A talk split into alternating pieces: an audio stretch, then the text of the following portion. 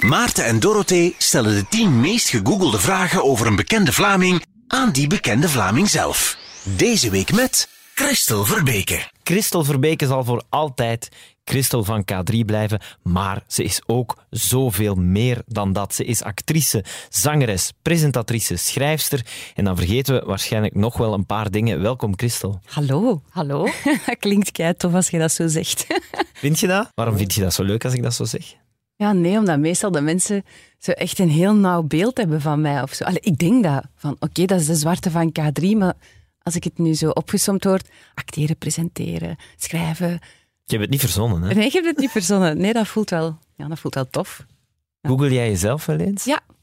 Ja, ik ben echt soms wel benieuwd naar ehm, als ik een, een tv-programma gedaan heb of ehm, als ik weet van, oh, ik heb eigenlijk een interview gedaan en ik wil wel eens zien wat de mensen daarop reageren, ja, dan ga ik wel eens kijken. Oké. Moet het meestal niet doen. Nee, ja, ik wou net zeggen, kan je Ja. daar dan supergoed tegen? Of, eh? Want wat doet het dan met u als je het leest wat mensen erover vinden? Ja, het is te zien waarover. Hè. Als het zo over mijn gezin gaat of zo echt heel persoonlijke dingen, dan kunnen niet anders dan dat heel persoonlijk oppakken. Maar ehm, het is ook wel tof om, om dikwijls de complimenten en de goede commentaren te lezen. Ja. Dus het is niet alleen maar kommer en kwel. Oké. Zullen we er op het gemak aan beginnen? Ja, wij werken eh, samen met Google voor deze podcast en we hebben van Google de 10 meest gegoogelde vragen over Christel Verbeke Ik ben wel heel benieuwd. Ja? Ja. Het is niet in volgorde van meest gegoogeld of zo, het zijn gewoon in totaal de 10 meest gegoogelde vragen. En het zal nu ook niet zo'n verrassing zijn als je jezelf zo vaak googelt. Zo vaak is dat nu niet, hè? De eerste vraag. Wat is de echte naam van Christel van K3? Oh, ehm, Christel, Filemon, Charlotte, Verbeke. Is dat niet zo'n een vraag die misschien vaak komt of zo, omdat dat mensen misschien denken van ah tja, maar die meisjes van K3, zou dat nu geweest zijn omdat dat K3 was, dat die uw naam... Dat is toch een, Ja, naam die, een vraag die al vaak is gekomen. Het is al vaak gekomen, maar eigenlijk meer in het begin van K3. is Van, zijn dat jullie echte namen? Dat mensen niet geloofden van, huh, begint dat nu echt allemaal met, met een K officieel? En ook met een K geschreven? Ja, ja, ook met een K geschreven. Maar ik denk dat iedereen nu wel door heeft van, Ja, hè? ja, die K3 was echt wel eh, op basis van de namen. Maar wij gingen eigenlijk eerst Mascara heten. Dat is altijd zo Echt raar. Hè? Als mensen zo'n dingen zeggen, dat is Ja? zoals de, de baas van Q-Music heeft ooit gezegd, ja, we twijfelden nog tussen Radio Wasabi of Q-Music. Dat is- dan denk je, Als jij nu zo zegt mascara, dan denk ik, oh, Oh nee, goed dat we veranderd Maar voor hetzelfde geld was het dat wel en was het ook succesvol. voilà. ja. Ja. Maar ja, tuurlijk. Achteraf gewoon raar. Ja, hoe is dat gegaan, de, de brainstorm over de namen? Of, of, of hoe is dat eigenlijk gegaan, het begin van K3? Ja, eigenlijk waren we eigenlijk gestart met Kelly. Karen, Christel en Kelly. Dat was op basis van een auditie, was Kelly gekozen. Maar Kelly had zoiets van, ah, ik wil eigenlijk musical gaan doen in Tilburg. En dan was er Kathleen die eh, Sanne heeft vervangen tijdens de musical Sneeuwwitje. Ja. Kathleen heeft wel gekust, Sanne wou dat niet. En toen had William zoiets van, oh, ja, Kathleen moet erbij. Dat zie ik volledig zitten. En voilà, eh, de rest is, is history.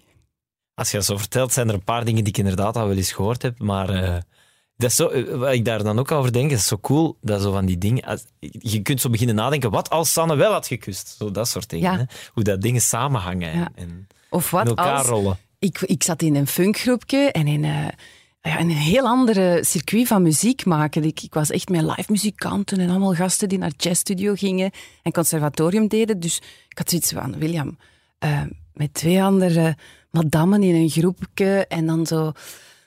Hij zei tegen ons, Linda, Roos en Jessica, ik weet niet of je dat nummer kent. Je komt in ademnood, want de kans is groot. Dat is zo een grote hit geweest. Zei, het gaat zo een beetje, het gaat dat een beetje zijn. Dus ik twijfelde heel hard zo van, ja, hmm, ik weet het zo nog niet goed. Maar ik kende Miguel dan ook, dan een aantal nummers gaan luisteren. En dan dacht ik van, ja, misschien moet ik dat gewoon maar eens proberen. En voordat we het wisten, moesten we kiezen tussen de vaste job of K3. En ja, dat was die sprong heel duidelijk om, om te nemen, ja. Is dat soms iets waar je zo achteraf wel nog over nagedacht of gefilosofeerd hebt of zo van wat als? Zeker, zeker wat jullie nu zeggen. Hè, van, stel je nu voor dat ik tegen William had gezegd... Nee, William, ik ga het toch niet doen. Ja, ik ben zeker dat ik dan nog wel iets met muziek had gedaan, maar misschien als hobby. En nooit Ja. echt op zo'n grote podium met, met, met zo ja, twintig jaar lang eh, carrière. Ja. Zou Kelly spijt hebben? Ik denk dat niet. Nee, we hebben haar nog eens ontmoet en eh, die woont in Spanje. Doet heel veel aan sport, is heel actief. Ehm, heeft niks meer met muziek nu, denk ik. Nee. Nee. Heeft een zoontje, is gelukkig. Ja. Omarm jij die eh, geschiedenis van K3 of heb je soms het gevoel, ja, maar ik doe nu ook andere dingen? Nee, nee. Ik kan alleen maar terugkijken met heel veel trots. En hoe langer het geleden is, hoe meer ik dat heb. Hoe meer ik echt zoiets heb van... Ik besefte toch niet welke kansen we allemaal kregen op het moment dat ik er middenin zat. Of ik besefte niet hoe speciaal het wel is om in het Sportpaleis op te treden. Tot ik nu met mijn dochters naar, naar Little Mix ga kijken en ik zeg, hey, mama heeft daar ook gestaan. hè." en dan hebben die zoiets van, oh ja mama, we weten daar eigenlijk niet veel meer van, want ze waren toen nog veel jonger. Maar dan, dan stijg ik zo wat in hun achting, dan ben ik zo heel trots dat ik dat nu kan zeggen, dat ik daarop kan terugkijken. Ja, Ja, je kent eigenlijk de backstage van het Sportpaleis beter dan Check. de frontstage.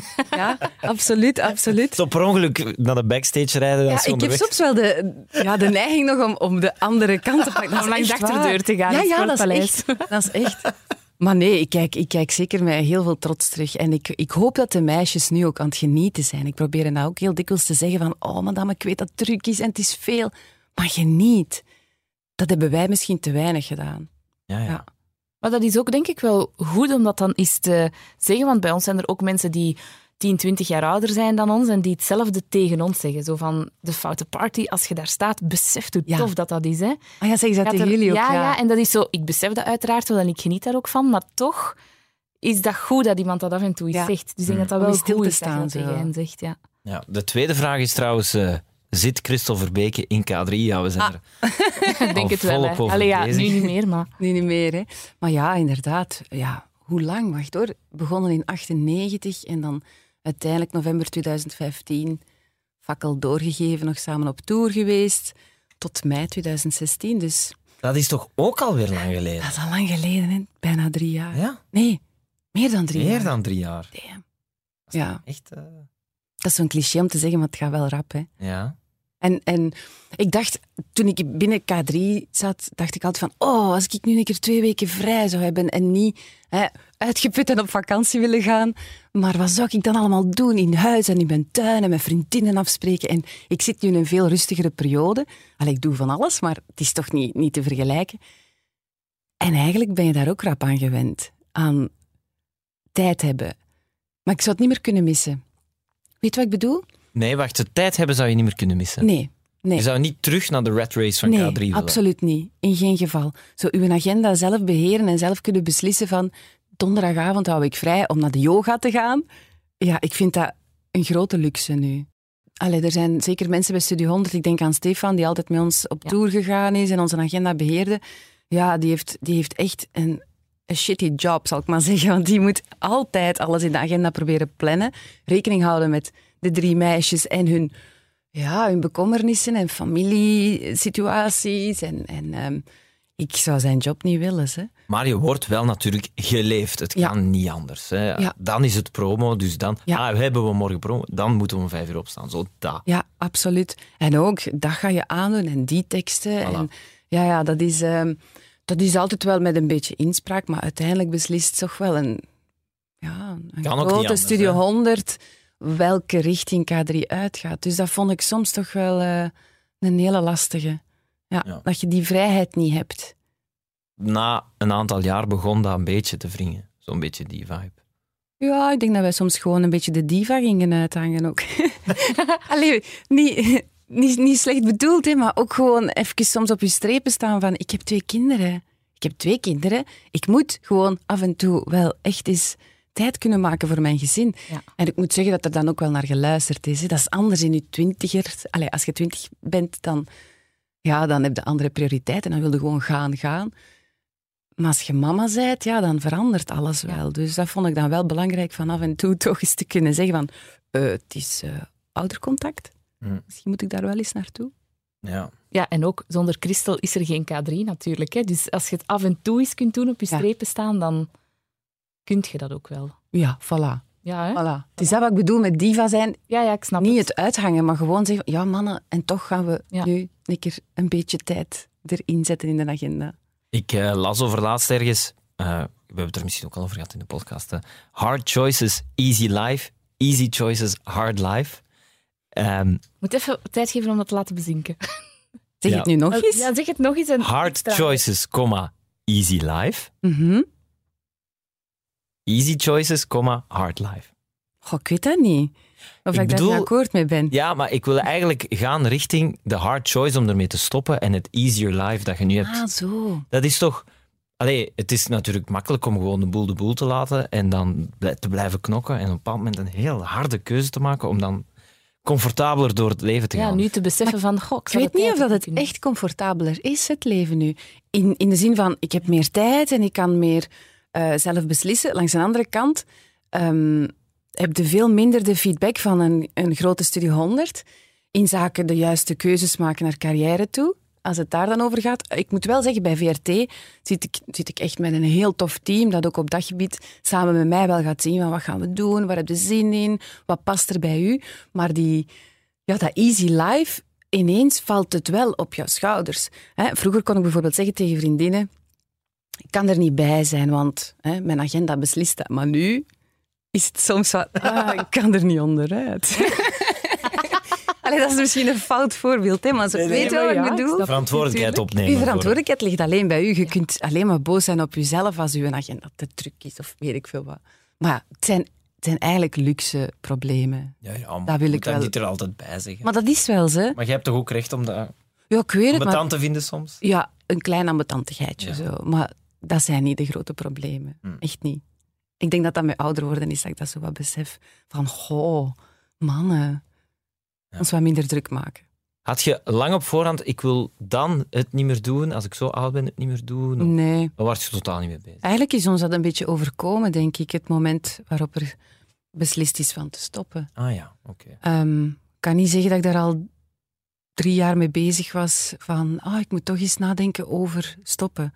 Ik ben nogal van, ik ga voor iets en ik blijf ervoor gaan en dan kom- komt er iets op je pad waardoor dat je begint na te denken van, ah, oei, eh, ah, dus, ah ja, het wordt realiteit. We gaan binnen dit en een aantal maanden stoppen. Ja, ja, ja. Ik heb daar niet moeilijk mee. Ik denk, ik denk dat dat een beetje te vergelijken is met ehm, een, een, ehm, een professor die jarenlang met heel veel liefde en overtuiging lesgegeven heeft, maar die dat vak op zich niet loslaat. Die altijd geïnteresseerd zal blijven in alles eh, wat ermee te maken heeft. Ik denk nu aan Peter Adriaanse, die gestopt is eh, met ehm, de psychiatrie. Die gaat nooit met dat thema stoppen. Nee, die gaat op klopt. een andere manier daar wel nog mee bezig zijn. Dat is eigenlijk een beetje wat ik ook heb ervaren van oké, we stoppen met K3, maar ik stop niet met media of met eh, tv maken of ja, zingen wel. Dat is zo één ding dat ik, dat ik niet meer voel. Maar zo alles wat daarmee te maken heeft, blijf ik wel met hart en ziel doen. Ja. Dus het stoppen met K3 wou niet zeggen stoppen met alles. Hé, hey, dat is champagne, hè? Ja, maar dat is niet mijn fout. Mijn Ja, iPhone, ja. Mijn Ja, iPhone ligt op niet mijn mijn bureau. fout. Is dat champagne? Van waar komt die regel? Ah, dat is, ja, als je op een set staat, een filmset, Dat heb ik nu nog ja. nooit gehad, Is dat sorry. dat is echt champagne. Mijn iPhone ligt op mijn bureau en het is mijn laptop die dus begint te rinkelen. Snap je? Ah, Ja. al die Ja. connecties. Vooral als het een uitleg, maar je hebt Christel gehoord. Maar ik neem mijn hè? verantwoordelijkheid. Champagne. Ik zal champagne betalen ooit eens. Ik wou nog wel één ding vragen. Je bent ook manager geweest van K3. Dat was een bewuste keuze om nog even met dat project te kunnen Ja. doorgaan. Ja, ik vond, dat, ik vond dat die meisjes dat verdienden. En niet dat ik mezelf dan zo hoog inschat, maar gewoon iemand die dat heeft meegemaakt, even ook kan uitleggen van ik snap het dat u een arm zeer doet, maar hij gaat toch recht omhoog moeten, want het ziet er niet uit. Weet wel, iemand die ja, in de auto naar hen ook kon, kon luisteren na eh, iets dat minder goed gegaan was, of na eh, een familie dat belt en zegt, allee, kun je er nu weer niet zijn? Zo'n kleine menselijke dingen, dat snap ze alleen maar, denk ik, als je daar zelf op dat podium gestaan hebt. En als je dat niet hebt meegemaakt, is dat heel moeilijk om je voor te stellen hoe dat, dat voelt. Hoe kapot dat je kunt zijn na negen shows.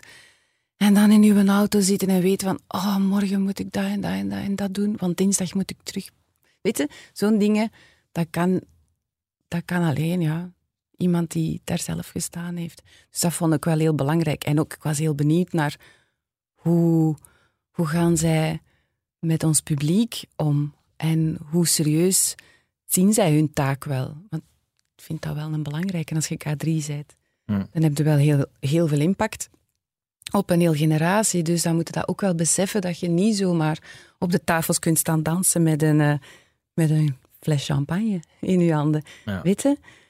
Niet dat dat niet kan, Maar probeer dat dan toch niet aan plein publiek en met iedereen die zelf, allee, selfies wilt en de kinderen die dan zeggen, hè mama? Is dat niet het hele moeilijke aan de job? Dat je eigenlijk heel vaak vrolijk bent in je job en je maakt leuke liedjes en mooie films en zo, maar dat je het nooit echt uitgelegd krijgt hoe moeilijk het eigenlijk is en hoe zwaar het soms kan zijn. Is dat niet lastig Denk- of zo? Dat mensen denken, ja, zeg, ja, zo pff, wat liedjes zingen. En, ja. Ja. Ja, ik denk dat er ongelooflijk veel ehm, professionaliteit moet, moet zijn als je, als je zo veel projecten doet. En met K3 hebben we films gemaakt, tv-shows, we hebben zoveel dingen gedaan. Dus je, je moet absoluut heel professioneel zijn en je voorbereiden en ehm, goed voor je lijf zorgen. En dat wordt misschien wel onderschat, ja. Dat denk ik wel. Gewoon al zien dat die stem elke dag opgewarmd en klaar is om te presteren. Mhm. Dat houdt in dat je op je vrije dagen ook wel ziet dat je uitgerust bent, dat je gezond eet, dat je naar de sportschool gaat. Dus langs een andere kant denk ik dat iedereen die in de media zit een veel hardere job heeft dan wat mensen soms denken. Ehm, als ik vroeger iemand het nieuws zag presenteren, dan dacht ik ook van, oh ja, dat is eigenlijk nog wel een leuke job. Je moet gewoon heel netjes kunnen praten en lezen wat er op de autocue staat. Maar je zit daar niet, allee, je staat daar niet bij stil dat die hier echt al uren op voorhand hun teksten aan het schrijven zijn en echt wel heel betrokken zijn met wat ze brengen. En Dus tijdens zo'n nieuws, hoeveel er dingen schuiven en hoeveel ze Ja, dat moeten moet improviseren. dat is pas een lastige job. Want je wilt Oh. ook niks fout zeggen. Het is wel het nieuws. Ja. ja, Ja. inderdaad. Ja, dus dan viel dat van ons nog mee. Maar dus, eh, dat waren ze. De twee vragen over K3 in het lijstje van de tien meest gegoogelde vragen over Christel Verbeke. Dat is eigenlijk niet veel hè, in verhouding dan. Maar dat wil zeggen dat de andere dingen ondertussen minstens even belangrijk zijn. Hè? Oh, Alle andere dingen. Benieuwd naar wat er nog komt. ja, eigenlijk wel. De derde vraag. Hoe oud is Christel Verbeke? Ah. Je zit er heel vaak tussen. Echt? Ja, Ja, je zit nee, heel vaak in de lijstjes wel. In de lijst van de 50 Ah, of oké. 60 mensen die we al hebben geïnterviewd, komt die veel. Ja, ik ben geboren in 75. Oké. Dus tel maar. Hè. Ja, kan dat heel slecht. go. Nee, nee, nee. Durf, kan dat niet. Moet ik het echt doen? Nee, Allee, zo, ik heb je het nog niet berekend. Dat is mega simpel. Oh, dit is altijd zo gênant. Nee, kom, Oh, dat zeg is- het gewoon. In plaats van dat gewoon te helpen. Ja, zeg het dan gewoon, Maar dat is Maarten. één moment in de hele, heel de reeks dingen die zij slechter kan dan ik. En dan moet ik daar af en toe eens even van Zeg het maar gewoon hoeveel het is. 44, ja. Bijna. In december. Excuseer. Nee, nee, nee. nee. Nee, maar juist is juist. Ja. Ehm, Bijna een mooi rond getal, zo, hè? 45. Oh, manneke, Oh. zie je wat je zegt? oh. Nee, maar ja, Oh. zet- vind je dat lastig of zet je daarmee bezig met Ja, zo'n natuurlijk. Allee, Ja? Ik vind het niet lastig, want ik voel me goed. Ik ben gezond. Ik heb... Allee, ik vind dat, dat, dat het allemaal nog meevalt qua rimpels en qua... Weet ik veel. Ja, Eh, mijn lijf toch- is nog wel echt goed in vorm en zo. Zeker. Maar 43, dat beseft je soms wel van... ehm, dat is misschien de helft. Ah ja. Op die manier. Op die manier Ja. vind ik dan een lastige. En ook als ik dan zie hoe oud mijn kinderen zijn, 14 en bijna, eh, wacht hè, 13 en 14, maar ik moest even zelf tellen. Oh, ja, dat is ook een dingetje. Dat die zo ineens ehm, puber en dat dat zo dichterbij komt, dat die misschien een liefje gaan hebben en eh, ooit alleen gaan wonen en zo. Ook meer tijd voor jezelf wel, hè? Ja, man, nee, jong, daar ben ik nog helemaal niet aan toe. Nee? Nee, dus dat vind ik moeilijk aan die leeftijd. Ehm, ik heb het met vriendinnen ook dikwijls zo een beetje over de, de midlife. Als je veertig bent. Ehm, ik heb daar niet echt last van. Maar wel veel meer beseffen van... Amai, we moeten er elke dag van genieten. Dat is een cliché, hè, maar... Ik ga nu binnenkort met mijn dochter naar Londen. En dan denk ik, oh, ik, ga, ik ga toch wel voor het hotel pakken dat ik echt wil. Ik ga geen compromis sluiten. Ja, ja. Dat wil ik ook graag doen. Zo. Met één kind, zo. Met één Zalig. ouder. Ik denk dat dat heel tof is. Ja, ah, wel, het was nu heel toevallig. Mijn oudste gaat met een vriendinnetje weg. Ik zei tegen Lili, ik zeg, Lili, gaan we iets doen? Wat zou je leuk vinden? Eerst was het New York. Ik zeg, ja, is er wat over? Ik zeg, dat gaan we dan met ons vier doen. Dat gaan we niet met twee doen. Maar dan was er Londen. En dat vind ik wel heel tof om met haar eens te doen. Je voelt ook dat die zo... Ja, dat zijn pubers. Die vinden dat heel cool om in Londen dan te gaan shoppen. Ja. En vinden ze het dan ook nog cool om met de mama te gaan naar Londen? Ja, eigenlijk wel. Want dat is dan wel mooi, toch? Hè? Want Ja. ik denk dat er ook heel veel situaties zijn waarin dat misschien niet zo is. Dat ze denken, zeg, ik Ik denk dat ze dan nog moeder wat, naar Londen. met wat, nog wat ouder moeten zijn. Ah ja, het Ik is denk zo nog net te 16, jong. 17, dan ga je geen handje meer geven. Hè. Maar pas op, dat hangt ervan af. Ik weet kan. dat niet. Ik hoop het. Ja? Ja. Maar zo, ik ben van het weekend nog eh, naar het park geweest in het eh, dorp. En eh, mijn zoon begint dan op een grote paddenstoel te Oh. zingen als hij een paddenstoel ziet. Mist je dat? Ja. Ja? Ja. En vooral dat... dat, dat s ochtends wachten- wakker worden en zo dat... Mama, ik weet niet hoe blij zijn van u te zien. En nu is dat... eh. Goedemorgen. Nog net. Ja, ik wist wel die... die die, oh, die kleine prutsjes. En dan konden die nog alles aandoen wat je wou. dat is nu ook helemaal niet meer. Ah ja. Zo, zo de...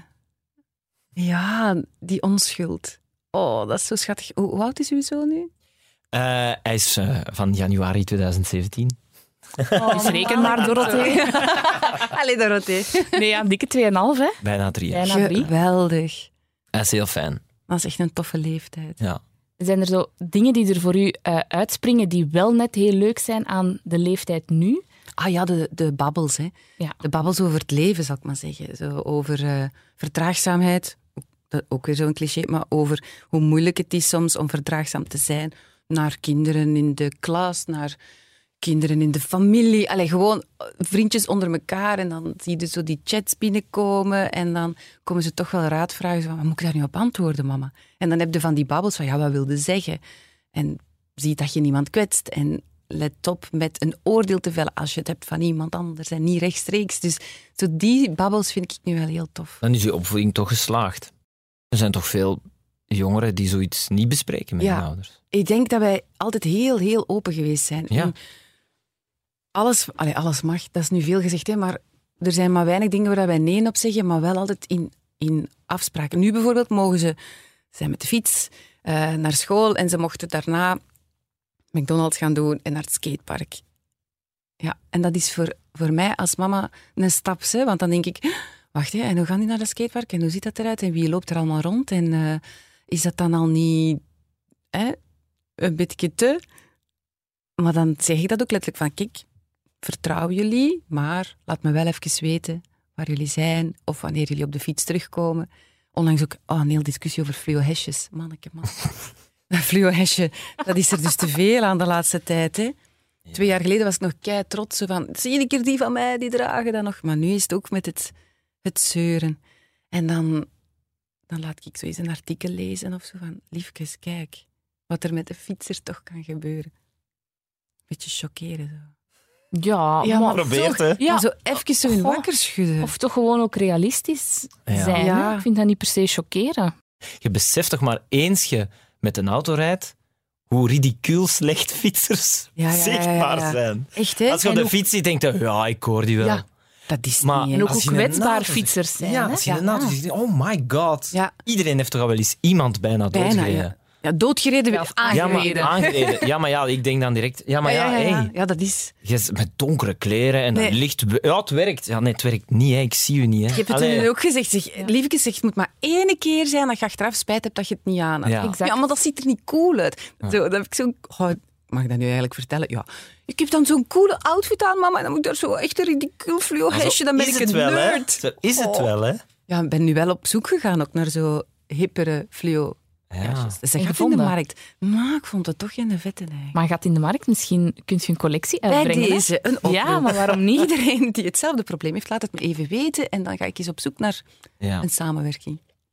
Maar we zaten dus hè, bij hoe oud Ah, ja. is Christel Verbeke? Maar dat is niet erg, we mogen afwijken. Hè? Maar eh, voelt je dan van binnen ook 44? Of hebben dat gesprek zo nog, met nogal mensen gehad in de podcast die zo bijvoorbeeld echt een soort van leeftijd kunnen aanduiden waarop het voor hen van binnen is blijven stilstaan. Zo bijvoorbeeld, ik voel mij nog altijd 25 of zo. Of voelt het je dan minder zo aan? Nee. Nee, ik denk dat ik me echt gewoon ook 43 voel. Ja. Omdat je wel... oh, je hebt wel een rugzakje mee. hè.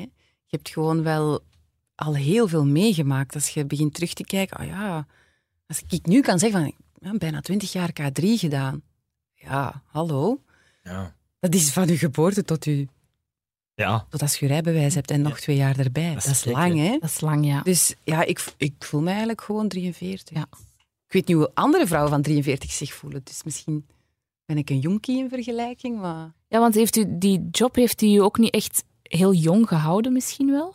Ik weet het niet. ja, het heeft me altijd wel zo, zowel ehm, actief en eh, gaan en niet opgeven, dat hebben we wel altijd mee blijven krijgen. Zo. Was dat een goede zin? Mee blijven krijgen. Meegekregen? Meegekregen. Merci. Ja, ik weet het is maandagochtend. Ehm, de eh, vierde meest gegoogelde vraag, enfin niet in volgorde van hoeveel het gegoogeld is, maar op onze lijst. Waar woont Christel Verbeke? Ah, Ehm, ik woon in de buurt van Hofstade. Hofstade, Mechelen. Dus Ja. je hebt Mechelen, Hofstade. En dan eh, kom je naar Steenokkerzeel, Zaventem. Daartussen. Ah, Daartussen woon ik. En wij wonen in een huis dat we gebouwd hebben in 2001. Dus dat is al heel Al lang. even. Ja. Wij wilden eigenlijk een loft, maar die vonden we veel te duur. Dat was een casco. En dus besloten we van op zoek te gaan naar een grond. In die tijd, lang geleden, viel dat nog mee daar in de buurt. Nu is dat echt, eh, ja, echt heel duur. Mhm. En dan hebben we gebouwd, voilà. Maar heel, heel eh, basic. Ja. Zo, ik weet niet wat Heel- basic bedoelt Ja, je? loft, loft hè. Zo eh, polybetonnen vloer en zo de, ja, een ijzeren dak gewoon, schuin dak erop. En, allee, het, is, het is heel gezellig van binnen, hè, maar zo, ja. geen ehm, herenhuis of zo, weet je wel? Zo Nee. van stijl heel strak. Ja. Ik woon daar heel graag. Het is tof. Ik kom van Oost-Vlaanderen. Ja, want hoe is het eh, u- dan gebeurd om daar te belanden? Ik Hoe- ben met een is- man gevolgd. Ah, oké. Ja, we hebben heel lang bij ons in de buurt ook gekeken, want wij woonden, allez, ik woonde dan in Hamme en Jean die woonde in Diegem. Dus zo een beetje ertussen beginnen zoeken, maar niks gevonden. Tot mijn ventje zei, zeg, ik passeerde daar. En dat is niet ver van Diegem ook niet. En daar staat een heel tof eh, stuk grond te koop. En ik zag het duidelijk wel zitten, om Ja. mijn roots achter te laten. Ja. Het is ook heel centraal, hè. dicht bij VRT, VTM. Ja, dat is waar. Dus zo. Centraal in het land ook, wat ook altijd ik hier. handig is. En dan had je nog geen kinderen, dus Nee, nee, die nee. zijn daar gewoon geboren die en zijn getogen. daar geboren. Wij wonen daar heel de tijd. En ik denk dat we er ook niet weggaan, tenzij dat zou moeten of zo. Ja. we zitten daar echt goed. Ik ben ook zo wel honkvast. Ik kan nu niet zeggen dat ik eh, ondertussen nog aan het uitkijken ben naar andere huizen om eventueel te verhuizen. Je hebt van die mensen hè, die nooit lang op één plek kunnen blijven. Nee. Nee. Misschien later, als we oud zijn, naar een stad. Ja. Dat, is nog niet, dat is nog niet aan de orde. Nee, nee, Lang niet. uiteraard niet. Nee, nee. Dus je mist de stad toch ook een beetje. Dat, dat, Nee. ik, ik heb dat soms. Als ik daar zo van alles zie bestellen om één uur s'nachts, Ja. dat ik denk, oh my god, ik kan... Alles bestellen om één uur s'nachts. Ah, Nee, maar- vertel eens. Nee, ik maar... heb eens ooit per ongeluk ehm, op Maarten zijn Paypal bij mij Ja, we thuis. kennen elkaar dus- heel goed, dus Ja. we- ze Ja. delen ook PayPal blijkbaar. Eh, ja, nee, we delen dat niet. Dat was een heel lang verhaal kort. We hadden ooit op mijn account in de studio een pizza besteld en Maarten zijn account stond dus nog in mijn Ah, takeaway. Eh, en ik had daar niet naar Handig. gekeken en ik had... superhandig. Alleen had hij het direct door dat ik dat gebruik. ah ja, En ik had gewoon om één uur s'nachts of twee uur s'nachts of zo na een feestje echt zo ah, zin in zo'n goede McDo. Dus ik bestelde. Komen die dat leveren? Ja, Die komen dat s'nachts leveren. nog leveren. Belachelijk is dat zeg. Echt, Maar hè? dat Dat zou toch verboden moeten worden? nee, maar Sorry, alles... maar de Ja. jeugd die dan zegt, oh, niet vliegen en niet dit en niet dat. Ah, Maar ik wel met fiets Ah, ik geleverd. niks gezegd.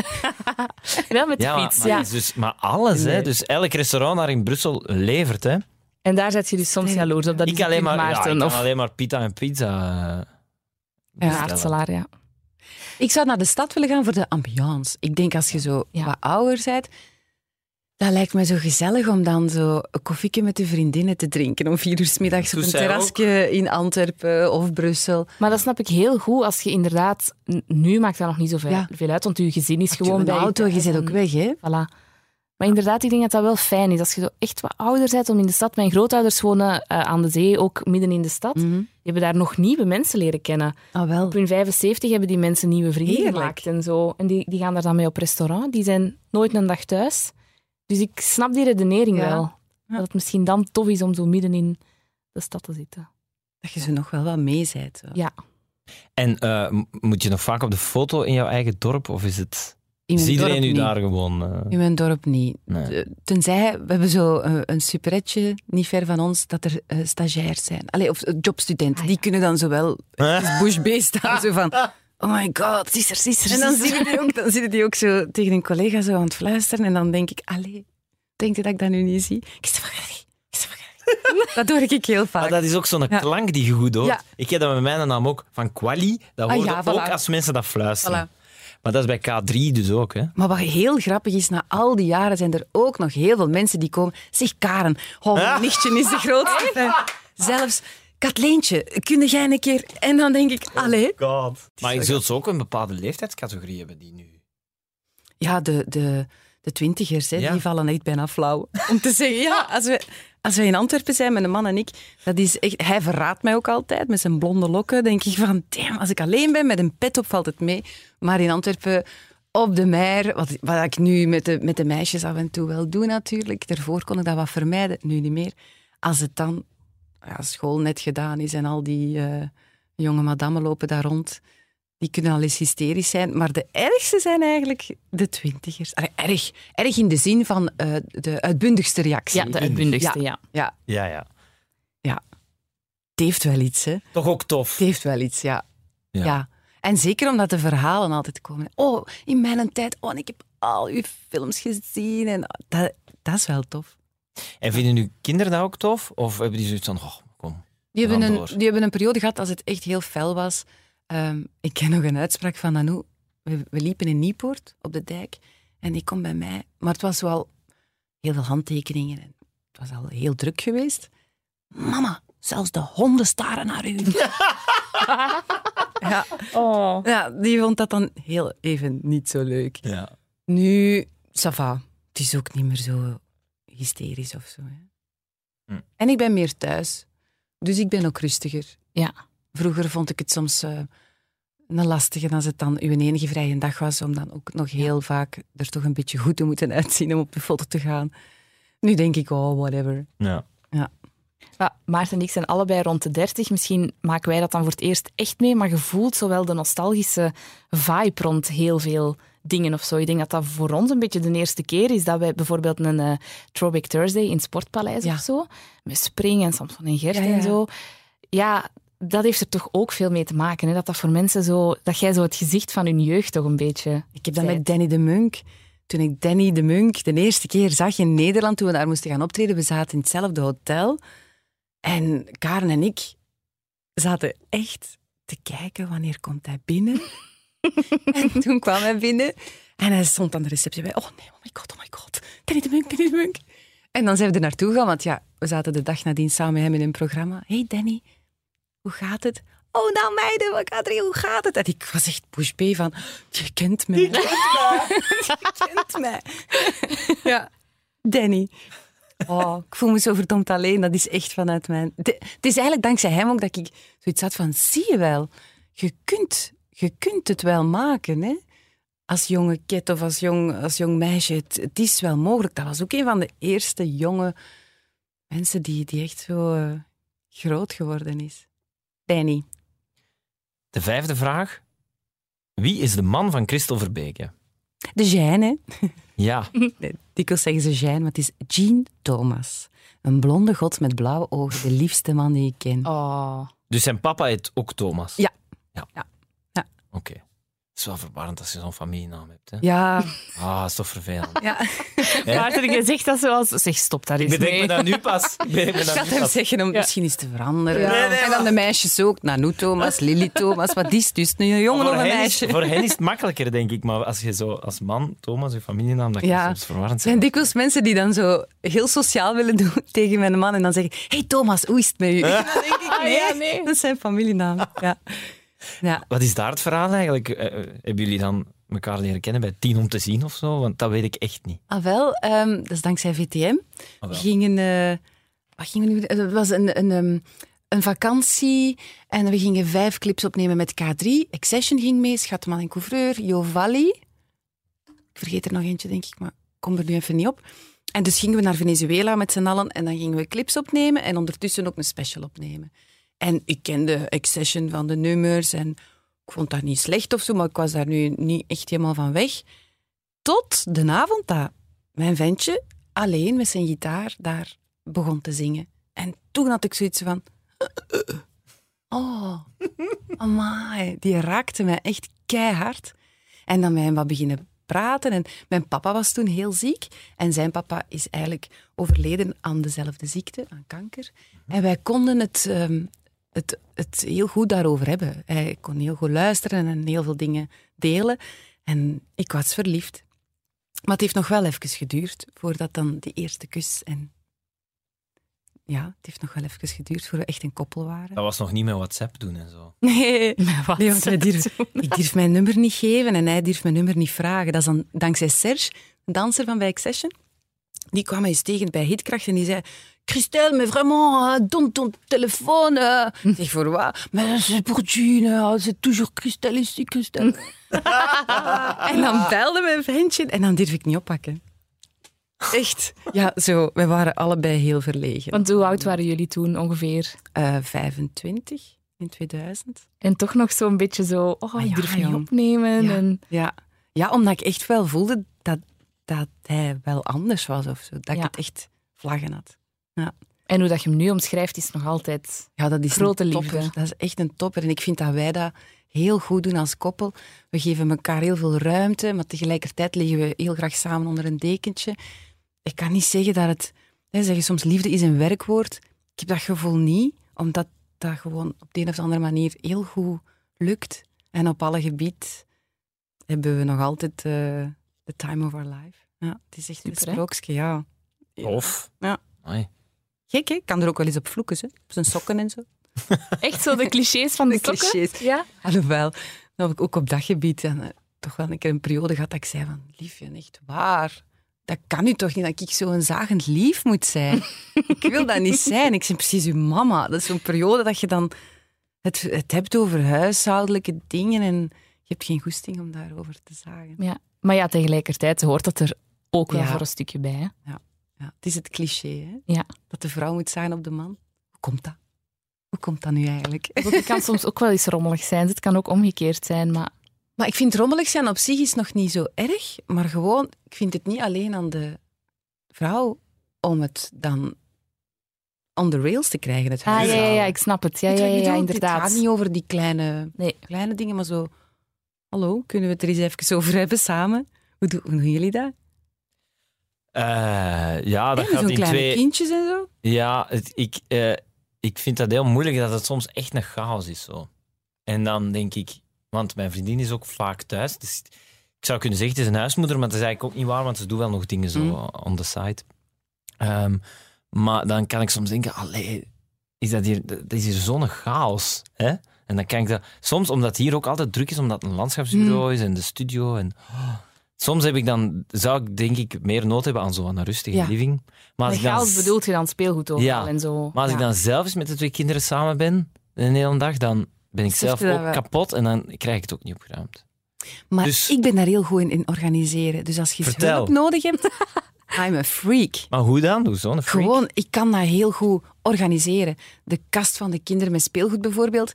Ik, ik probeer altijd zo systemen te bedenken. Nu is dat minder, nu zijn die ouder. hè. Systemen te bedenken die heel gemakkelijk zijn voor kinderen om hun rommeltjes, tussen aanhalingstekens, op te ruimen. Zijnde, mijn kinderen gingen nooit hun eh, sokken en kleren in de was smijten. Ik had dat zo gehad.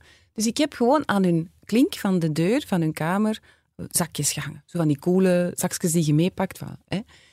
Daar, dat lukt.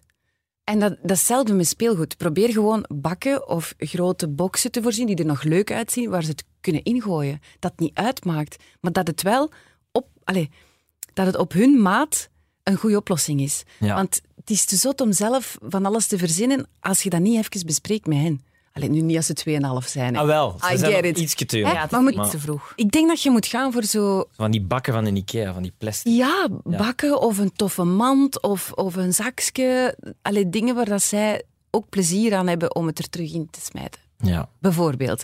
Maar ik heb dat ook in huis. Ik weet gewoon blindelings staan in de keuken waar dat wat is. En gewoon less is more, niet te veel. Ja, dat, zijn we nu wel aan doen. Ook wel heel Dat hard. is ja. echt waar. Dat helpt zo Oeh. hard minder gerief hebben. Ja. Ja. Dat helpt super hard. Ik heb keiveel veel glazen en tassen nu buiten gegooid. eh. Goed. Buiten Je hebt er niet veel- gegooid. je hebt er niet veel, Ja, maar dan de nodig. hè. Naar de Ja, maar je, hebt- je hebt ook niet veel nodig. Nee, ja, we hebben nu zo echt zes glazen, zes tassen. Voilà. En dat is wel heel fijn. Ja, hè? Maar echt heel Ja. fijn. Fijner dan ik had gedacht. Ik ben blij voor u.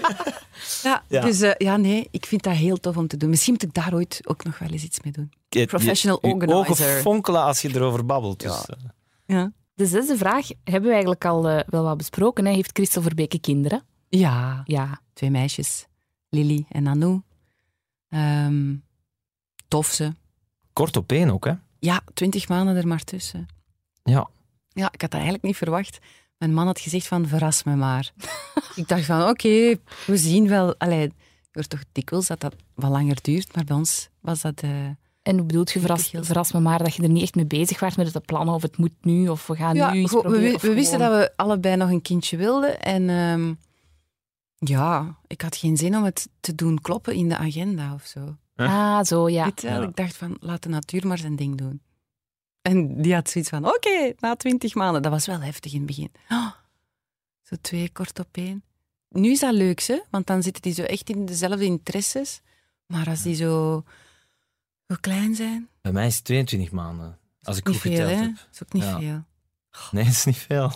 Dan kan er eentje juist stappen en dan eh, zit het nog mijn plat babyke. Maar, ça va. Ah ja, Snap je waarom het soms rommelig is? Tuurlijk. En rommel op zich is niet erg. Het is alleen maar erg als je voelt dat het u geen rust geeft. Dan is het erg. Ja. Want er zijn heel veel mensen, denk ik, die, die een huis hebben met allerlei kleine dingetjes die te zien zijn. Ik kan dat ook niet verdragen. Niet zo allemaal kleine pottekes en pannetjes. Nee. Nee. Maar dus eh, de dochters, eh, kort op één, komen ze goed overeen eigenlijk? Ja, met de, met de ruzies die zussen hebben. Hè. Weet je, dat, dat gebeurt. Maar die fietsen samen naar school, dus die Ah. ja, zijn lief voor elkaar. Maar waar ik blij om ben, want ja, je weet niet wat, het, wat de toekomst nog brengt. Hè. Die Ja. gaan misschien ook wel eens ruzie hebben over, weet ik veel. Ja, en dat lijkt me ook wel moeilijk, want ik wou eigenlijk zeggen van goed gedaan, maar ja, je hebt niet alleen zelf invloed op je kind. Hè. School Nee. en vriendjes en, of leerkrachten zelf hebben ook zoveel invloed. Ja. Dat lijkt mij soms zo moeilijk, dat je die opvoeding niet alleen in de hand hebt. Maar je hebt zelfs je opvoeding nog niet eens volledig in de hand, vind ik. Want je weet niet helemaal wat je doet misschien soms. Ja, je, één, je weet niet altijd wat moet ik nu doen om goed te doen. Maar twee, je weet ook niet altijd hoe dat bij je kind is binnengekomen. Je kunt nog zo open zijn, maar je weet niet... Ik weet nu niet wat mijn opvoeding binnen tien jaar van effect zal gehad hebben. Nee, dat is waar. Ja. Dus dat is altijd een beetje zoeken, vind ik ook als ouder, van... Goh, eh, moet ik nu nee zeggen of moet ik ja zeggen en, en haar laten doen? Moet ik eh, bij, bij examens bijvoorbeeld, moet ik heel hard samen die een agenda plannen? Van, je moet nu beginnen studeren, want anders heb je binnen drie weken een probleem. Of moeten ze dat laten ervaren en denken van... Ze zal dat wel ondervinden, het hoort bij het leven. Zo'n dingen vind ik wel heel lastig. Ja. Zo, in hoeverre ja, blijft ze zo mee ehm, het stuur vasthouden? Of zij de op een bepaald moment niet beter als co-piloot? Ja. En laten hen doen. Ja. Moeilijk, hè? Je hebt ook verschillende opvoedingsmethodes voor verschillende kinderen. Hè. Het is niet omdat uw één dochter zo behandeld moet worden, dat uw andere dochter ook zo behandeld Nee. moet worden. Dat is dan, ah, ja. Ja. Maar dan krijg je ook de moeilijkheid. Hè? Zo van, Ja. Is het nu nog wel fair? Of, of ja. ben ik strenger voor, voor mijn oudste omdat die meer verantwoordelijkheid heeft? Mhm. Allee, Ja. Ja, ik merk dat nu al. Ik eh, ben veel nonchalanter met die tweede dan met die eerste. Maar dat je Ja. vaak toch, hè? Dat mensen bij een tweede zo al iets meer oog ja, zijn. Ja, maar dat is echt... Als de Leon vroeger zand zou eten hebben, zou ik gedacht hebben, oh my Ja. god. En als Ella, dan zie ik die zo aan die bloempot, denk ik, Ella, maar dan denk ik... Oh. Zo overleeft het wel. Schuurste darmen. Ja, voilà. Ja, voilà. De zevende vraag op onze lijst. Heeft Christel Verbeke broers of zussen? Oh, dat vind ik altijd een lastig. Ja, dat Gewoon ik, ik weet nooit goed wat ik moet antwoorden. Nee, ik heb nu geen zussen meer, maar ik had er wel twee, twee schatten van zussen. Ehm, Veronique, mijn jongste zus, en Isabel was mijn oudste zus. Dus we waren met drie. En op, op drie jaar tijd ben ik mijn zusjes verloren door een auto-ongeluk en een ongeluk in de badkamer, CO2. Dus ja, dat is echt wel heel, heel lastig. Ik, ik vertel daar wel over, maar dat blijft altijd zo, ja. Mijn kleine zusjes.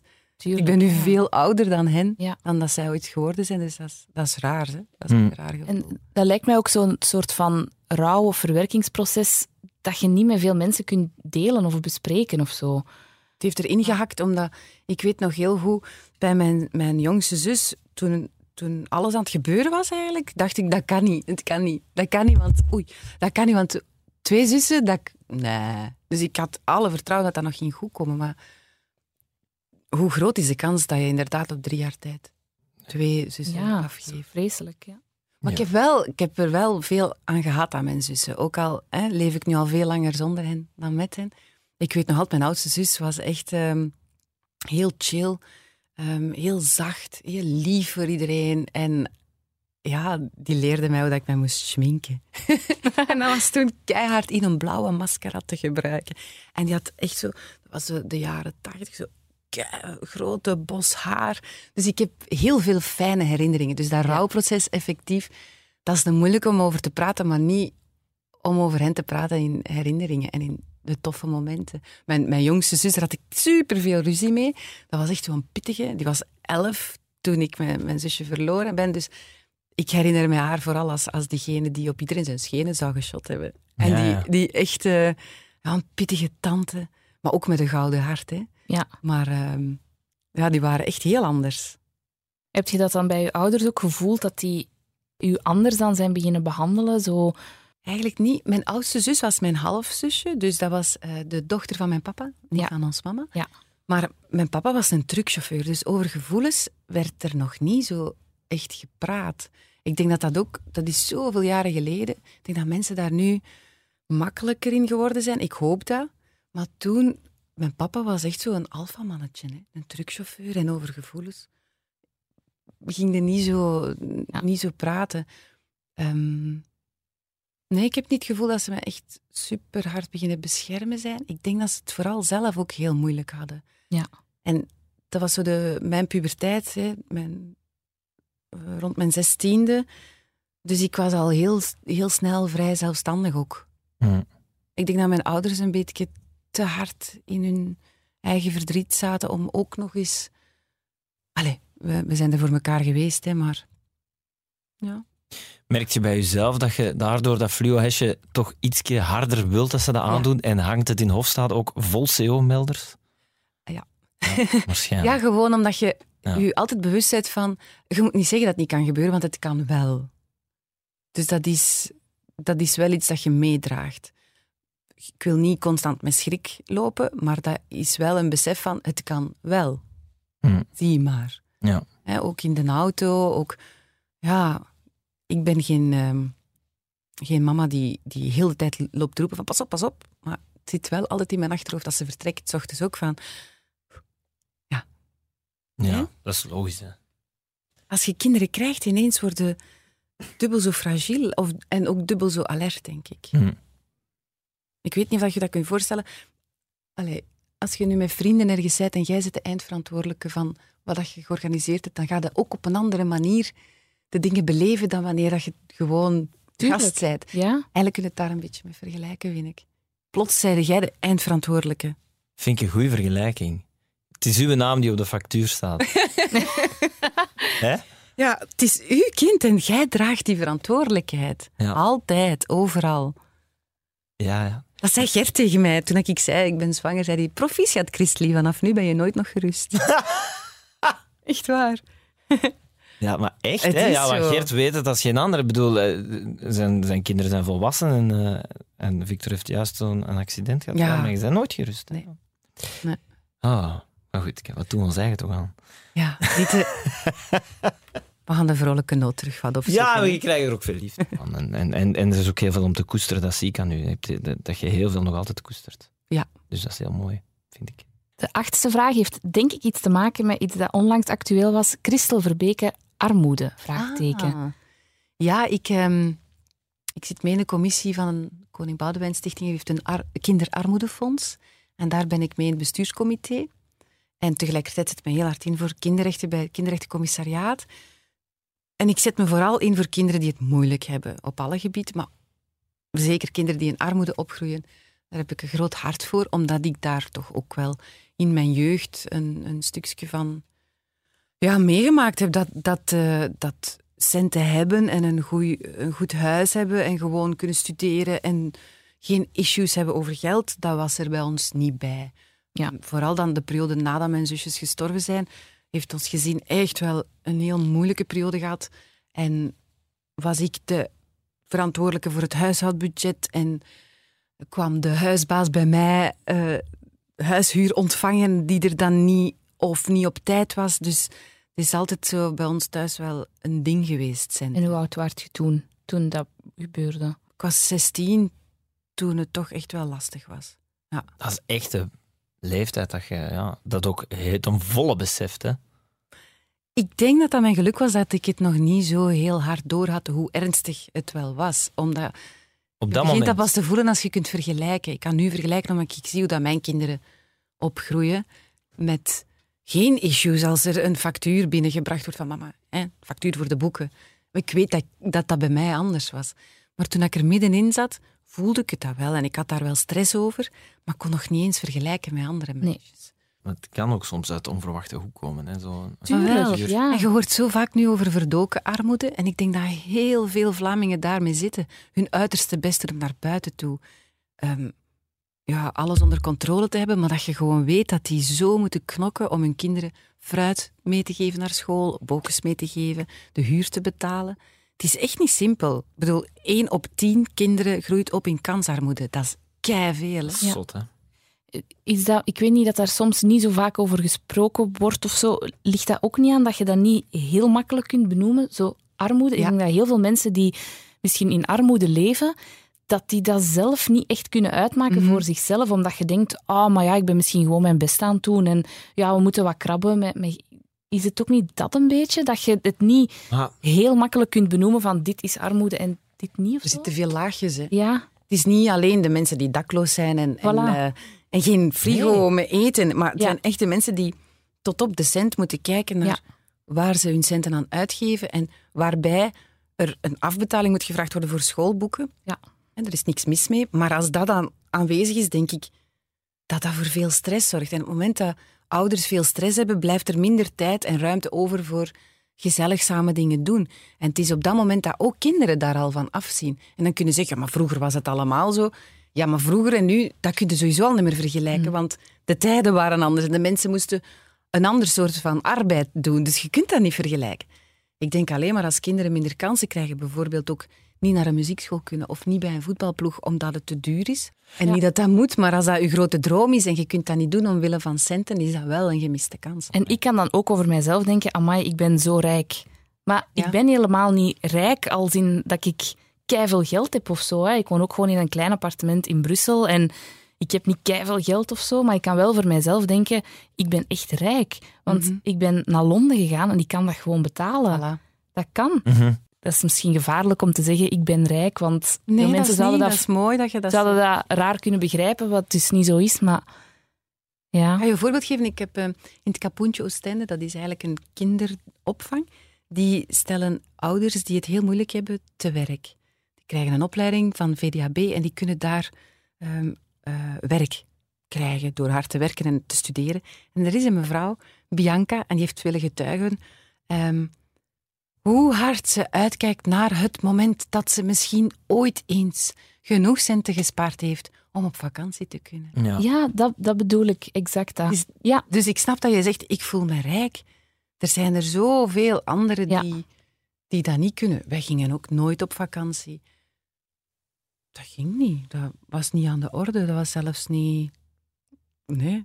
Ik ging zelfs niet mee met de CM, omdat dat niet mocht. Ik wou zo graag eens mee met de CM op kamp. Ah. En dat ging niet. Ja. Ja. Heeft dat ervoor gezorgd in je latere carrière dat jij meteen zoiets had van eh, ik wil hier verdienen wat ik waard ben? Of het tegenovergestelde, ik ben al heel dankbaar dat ik hier mijn geld mee kan verdienen. Ehm, eerst het laatste. Ja, absoluut. Eerst het laatste van... Ik ben zo blij dat ik hier mijn centen mee kan verdienen.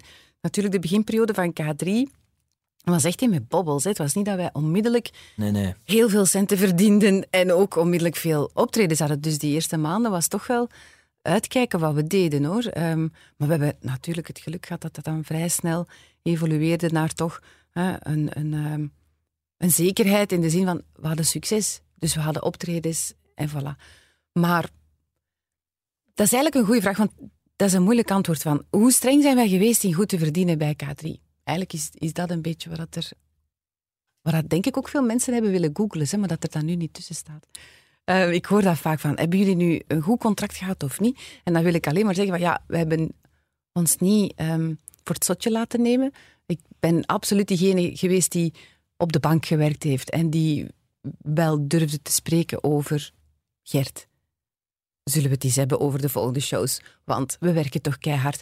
De productie is heel mooi, dank u wel daarvoor. Maar zoveel tickets die erbij gekomen zijn, Ja. is er geen... Je ziet, ze zitten, Eh, de voilà. mensen. Hè. Is je er weet wat ze geen betaald ruimte? hebben. Voilà. Is er geen makkelijk ruimte? uit te rekenen. Voilà. Dus uiteindelijk hebben we daar altijd zowel het midden in gevonden. Ik heb altijd in mijn achterhoofd gehad, donders uit de kan is altijd aangebrand.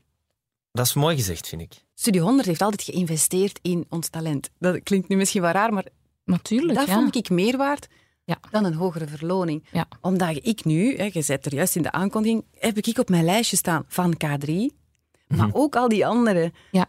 al die andere stukjes van het vak die we toch wel geleerd hebben dankzij de investeringen van Studio 100. De juiste regisseurs, de juiste coaches. Op dat gebied denk ik dat mensen in een job hun soms wat vergalopperen, in inderdaad alleen maar opslag willen. Ik denk als je gecoacht kunt worden door hele straffe collega's, dat dat later u veel beter gaat uitkomen. Mhm. Ja, ik, heb- ik zou nu nog... Dus er zijn nu nog mensen, denk ik, waar ik gratis voor zou werken. Maar... Zeg eens. eh, Nee, nee, maar een Eh, ongeveer zo. eh, David Guetta bijvoorbeeld. Ah. Als ik daarnaast zou kunnen zitten om te zien hoe die tracks maakt en dat zou kunnen leren, Ja. dan zou ik niet voor betaald moeten worden. Hè? Nee. Maar ja, goed. Nee, maar dat is een Dat soort dingen. voorbeeld. Ja. Ja. Ik denk dat dat wel belangrijk is. Dat je af en toe ook... Dat dat ook heel belangrijk is, coaching. En. Had de Gert nu geweten dat ik voor niks naast hem op... Nee. Schade dat dat nooit geweten. We hebben nog twee vragen die we eh, willen en moeten afwerken. Ehm, de negende. Hoe heet het boek van Christel Verbeke? Oh, wauw. Eh, mijn boek heet Alles Kids. En eh, ik heb dat vorig jaar uitgebracht in oktober. En het is een boek ehm, voor kinderen tussen de 6 en de 12, met kortverhalen. En elk verhaal behandelt eigenlijk een thema waar je niet altijd ehm, makkelijk over praat met kinderen. Zoals rouwen, eh, scheiding, ehm, adoptie, pleegzorg. Wat zit er nog allemaal tussen? Autisme, spectrumstoornis. Dus eigenlijk zo korte verhalen die je samen met je kind kan lezen, of die ze alleen kunnen lezen, maar dat je achteraf, er staan dan ook achteraf altijd zo wat ehm, to-do of lijstjes of vul zelf in, waardoor dat je het gesprek op gang brengt. Dat vond ik wel heel tof dat ik dat heb mogen doen. Een Ja. tool eigenlijk voor ouders om alles een beetje bespreekbaar te maken, Ja. zoiets. Ja. Ja, om, om zo even te kunnen zien van wat zit er nu in het hoofd van mijn kind. Dat is wel tof. Ik had dat zelf meegemaakt, dat iemand eh, overleden bij ons in de familie. En het eerste wat ik dan doe is een liedje zoeken met een mooie tekst, een boek gaan halen, dat we samen kunnen lezen om het te hebben over hè, oma is er niet meer. En zo, ja, je zoekt naar tools om het te hebben over iets. Allee, ik het toch. Nee, nee, ja, maar ik Ja. denk dat dat heel handig is. Hm. Wij doen dat nu, maar eh, dat gaat dan over eh, gevoelens zoals angst of verdrietig. En je merkt dat je daar al heel ver in staat, daardoor. Leon ik heb dat gevoel, ja, mijn zoon. Die Echt? kan, ook, die kan soms thuiskomen van school en die kan zeggen ja, ik was heel verdrietig, want die vrouw Annelies was er vandaag, eh, vanmiddag niet. Oh, zo schattig. Maar dan denk ik, ah, maar dat is wel cool dat hij dat kan zeggen. Ja. Ik heb het gevoel dat niet alle kinderen dat kunnen zeggen. Nee. En dat komt wel door zo'n boeken. Door zo die daarin te coachen. Ja. Dus Of ik denk die wel dat dat taal bij werken. te brengen van Ja. ik praat over. Ja, dat gaat dan over die taal inderdaad. Ik denk dat dat dus wel heel goed werkt, zo boeken. Ja, ik ben, Als middel om... ik ben fan. Sowieso van boeken. Ja. Ik vind dat echt heel tof. Een boek lezen, dat brengt u zo op een paar minuten tijd in een andere wereld. Er is bijna niks anders dat dat, dat zo goed bij lukt, vind ik. Mist je het voorlezen? Oh. ik heb onlangs nog eens voorgelezen voor Lily, omdat ze een boek moest uit hebben voor eh, Nederlands en ze was er te laat aan begonnen. Dan ben ik zelf beginnen voorlezen terwijl ze tanden stond te poetsen en zo. En dan had ik inderdaad het gevoel van, het is eigenlijk wel gezellig. Ja. Je doet dat niet veel meer. Ik doe dat af en toe, maar te weinig. Is er een tweede boek op komst? Nee, ik had wel een vraag gekregen van de uitgeverij, maar ik, eh, ik had gewoon zo nog niet een goede insteek. Dus dan dacht ik van, laat me er nog Maar die heb je nu, hè? Opruimcoach? Opruimcoach. Ja, en dan ook nog de fluo-hesjes die cool zijn er ook nog bij. voilà. Hey, dat is hier... eh Weer een paar maanden werk. Amai, zeg. Nee, ik ga eerst eh, bij VRT aan de slag nog voor eh, tv. Hè. Dat wil Ah, ik ja. nu Ja. op mijn lijstje zetten. En eh, ik ga ook theater doen, maar dat wisten jullie al. Hè? Ja, Oh, met Svenneke, tof hè? de ridder. Ja, dat is nu eens, eens iets dat ik zeg van, dat is echt dankzij Sven, omdat hij zegt van, jij kunt dat, dat ik daar dan zelf in geloof en dat durf. Ja. Want anders zou dat een hele lastige zijn. Ik zou mijzelf nooit gaan aanbieden ergens van, kijk eens wat ik kan. Als je het vaak repeteert, Ja, dat wel. is de mok misschien voor u al afgezaagd. Ja, tegen dat het voor echt is, ja. Sven. De laatste op de lijst heeft Christel Verbeke Instagram. Ja, en ik vind dat kei leuk Instagram. Ik vind sowieso social media echt heel tof, maar met mate. Ik ondervind zelf dat dat soms wel heel eh, ehm, verslavend kan zijn in de zin van je bent ergens en, en je, wauw, wauw, dat is hier tof. Oh, oh, oh, oh, foto pakken. En dan denk ik, allee, dat is een valkuil voor iedereen bij Instagram, vind ik. Van ehm, te weinig momenten te beleven en te veel direct te denken van, oh, ik ga daar eens een schone foto van pakken voor op mijn eh, social. Ja. Weet je van buiten hoeveel volgers je hebt? 240? 240.000, denk ik. Amai, Dat is veel, hè? Ik dat is veel. vind dat een hele eer ook dat die mij volgen. Ik vind dat echt tof. Maar dat is ook uw eigen publiek, allemaal mensen die u leuk vinden en jij kunt daarmee delen wat jij wilt. Ja, Dat is en ook je tof, kunt hè? soms een keer een nuance brengen. En inderdaad, niet alleen wat er in de boekjes of op, op, ehm, op het nieuws komt of zo, maar Allee, het nieuws, je weet wel wat ik bedoel, hè? Ja, Eh, ja, of krantensites. Je kunt dat gewoon zo zelf een beetje sturen. En ik vind het ook heel leuk om, om andere bekende mensen, waar dat je anders nooit van zou weten waar ze mee bezig zijn, om dat nu te kunnen volgen. Bijvoorbeeld Jennifer. Ik had ook zoiets van, oh ja, Jen! Dus ja. Je ja. zou er ook heel veel geld mee kunnen verdienen, maar heel veel geld. Ja. Echt. Wel al vaak aanbiedingen Ja, gekregen. dat zal wel. Maar ik doe, ik doe dat af en toe. Bij, bij sommige merken voel ik me goed en dan denk ik ja, maar laat het maar gewoon puur en echt zijn. Ja, anders blijft het ook niet duren, denk ik. Wie volgen jullie het liefst? Allee, wie, wie is jullie favorite account? Oh, maar vind ik moeilijk. Heel goede vraag. Ik heb nu de home edit. Die organizing, eh, organizing stuff posten. Nee, maar echt, je moet echt eens kijken.